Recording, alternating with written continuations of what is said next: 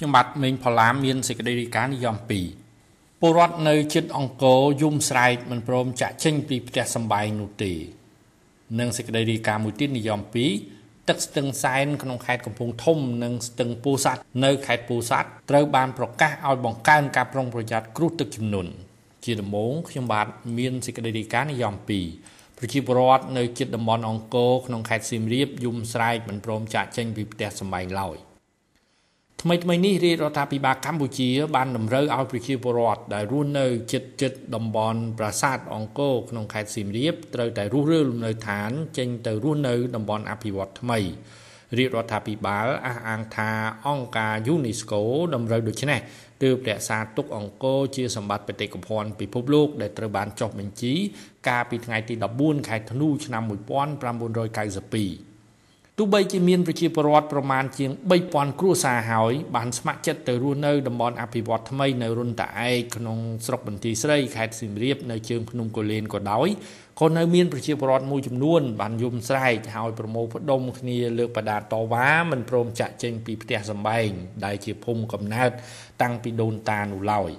ការតវ៉ានោះបានធ្វើឡើងកាលពីថ្ងៃទី5ខែតុលា នៅសាលាឃុំព្រះដាក់ដែលស្ថិតក្នុងស្រុកបន្ទាយស្រី។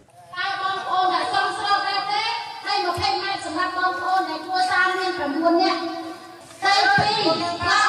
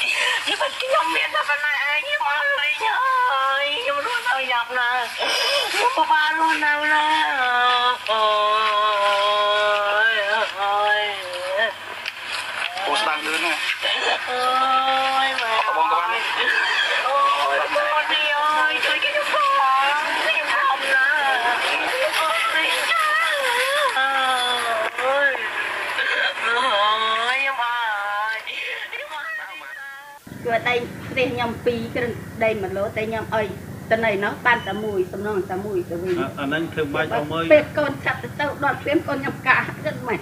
អាហ្នឹងកូនខ្ញុំមានអុយនៅក្នុងគ្រប់បងទៅបាត់កូនខ្ញុំកាទៀតអាហ្នឹងកូនខ្ញុំនៅក្នុងងានខ្ញុំបាទខ្ញុំមិនចេះវិញមិនដឹងថាផ្ទះដែលទើបធ្វើក្រោយយើងរស់រើអាផ្ទះក្រោយផ្ទះចាស់យើងនៅធម្មតាវិញហ្នឹងផ្ទះយើងនៅតបកូនតចាមកមិនអាចឲ្យផ្លាទីនៅបាទបាទបាទបើដល់កិនយាយ មុនប្រហែលប្រហែលងាយផងបែរមកចេះវិញព្រឹកចេះវិញសំណងមានអូនដីគេឲ្យយើងមកប្លង់លក្ខណៈថានៅរង្វង់ក្រមគ្រូសាយើង បានប្តីបានប្រពន្ធតែបើអ្នកនៅលីវអត់មានទេ ហើយដីស្រែយើងដីចកាយើងក៏យើងអត់បានដែរគេមានសិទ្ធឲ្យតែអ្នកនៅរង្វង់ក្នុងក្រមគ្រូសាណាហើយគេឲ្យគេឲ្យដីមកប្លង់លុយ1លាន20ហើយនឹងកសង្កសី30សន្លឹក ឆ្លើយតបទៅនឹងការតវ៉ានេះកាលពីថ្ងៃទី6ខែតុលានៅក្នុងវេទិកាស្ដីពីចក្ខុវិស័យប្រទេសកម្ពុជាឆ្នាំ2022លោកយរមត្រីហ៊ុនសែនបានប្រកាសអំពាវនាវឲ្យប្រជាពលរដ្ឋដែលបានប្រមូលផ្ដុំតវ៉ានៅឃុំព្រះដាក់ក្នុងស្រុកបន្ទាយស្រីខេត្តសៀមរាបកាលពីថ្ងៃទី5ខែតុលាសូមរក្សាភាពអត់ធ្មត់និងស្ងប់ស្ងាត់ លោកនាយរដ្ឋមន្ត្រីហ៊ុនសែនបានបញ្ជាក់ច្បាស់ច្បាស់ថា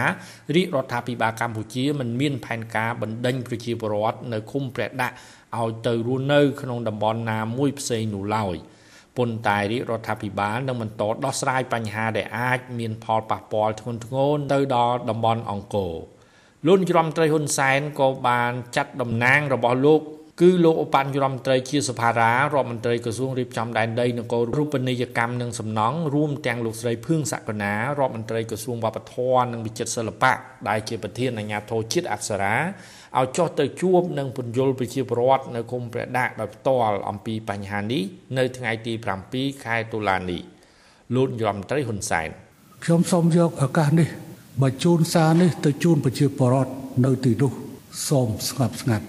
យើងគិតគូរដោយមកចត់ខ្ញុំនឹងបញ្ជូនឲ្យអាដាមឧបនាយករដ្ឋមន្ត្រីជាសភារានិងលោកជំទាវភឿងសាកណាទៅជួបជាមួយបងប្អូននៅថ្ងៃស្អែក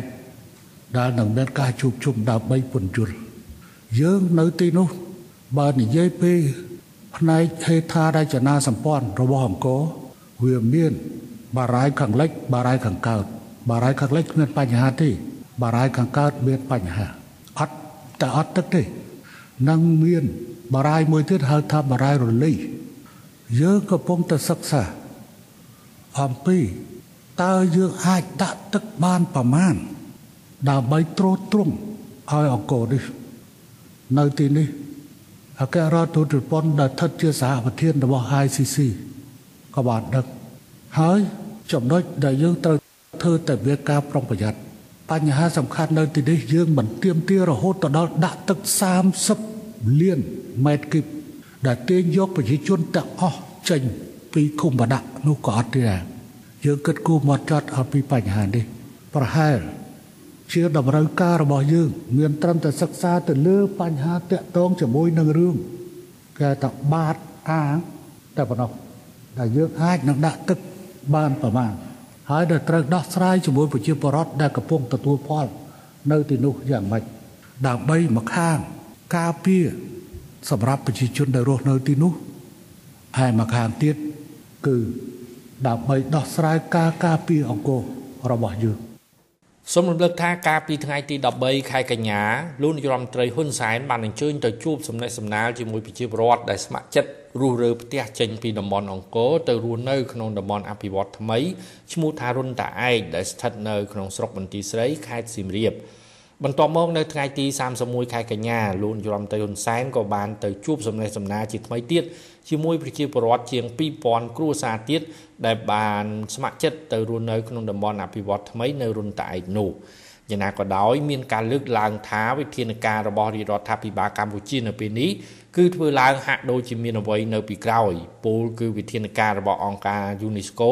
ហាក់ដូចជាមិនបានផ្សព្វផ្សាយឲ្យបានទូលំទូលាយដែលថាកំណត់ឲ្យប្រជាពលរដ្ឋត្រូវចាក់ចេញពីភូមិកំណើតរបស់ខ្លួនដែលស្ថិតនៅឆ្ងាយពីប្រាសាទអង្គរវត្តនោះទេផ្ទុយទៅវិញនៅតំបន់ជិតជិតប្រាសាទបុរាណក្នុងខេត្តសៀមរាបនោះ គឺមានដីជាកម្មសិទ្ធិរបស់មន្ត្រីជាន់ខ្ពស់ក្នុងជួររាជរដ្ឋាភិបាលហើយក៏មានដីរបស់កូនកូនលោករដ្ឋមន្ត្រីហ៊ុនសែននៅទីនោះផងដែរដូច្នេះហើយបានជាគេគិតថានៅពេលដែលយកប្រជាពលរដ្ឋចេញពីតំបន់ជិតជិតប្រាសាទអង្គរវត្តអស់ហើយនឹងអាចមានគម្រោងអភិវឌ្ឍថ្មីកើតឡើងនៅលើទឹកដីដែលជាកម្មសិទ្ធិរបស់មន្ត្រីជាន់ខ្ពស់រួមទាំងក្រុមហ៊ុនឯកជននិងដីរបស់កូនកូនលោកនាយរដ្ឋមន្ត្រីជាមិនខាន ដោយករណីកាប់ព្រៃឈើនៅភ្នំតាម៉ៅនៅពេលនេះគឺហាក់ដូចជាស្ងប់ស្ងាត់ក្រោយពីក្រុមកងអង្គរៈរបស់លោកនាយរដ្ឋមន្ត្រីហ៊ុនសែនបានទៅឈរជើងបោះទីតាំងយោធានៅទីនោះក្រោមមូលហេតុថាទៅដាំដើមឈើ